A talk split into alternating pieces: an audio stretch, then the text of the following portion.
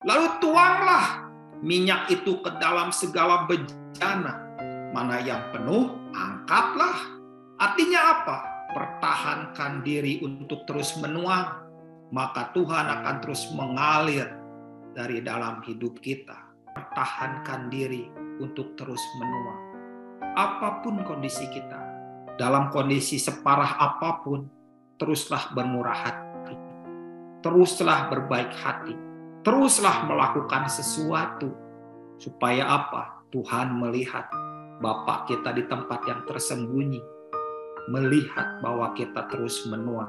Ketika kita terus menuang, maka lihat Tuhan akan terus mengalir dalam hidup kita.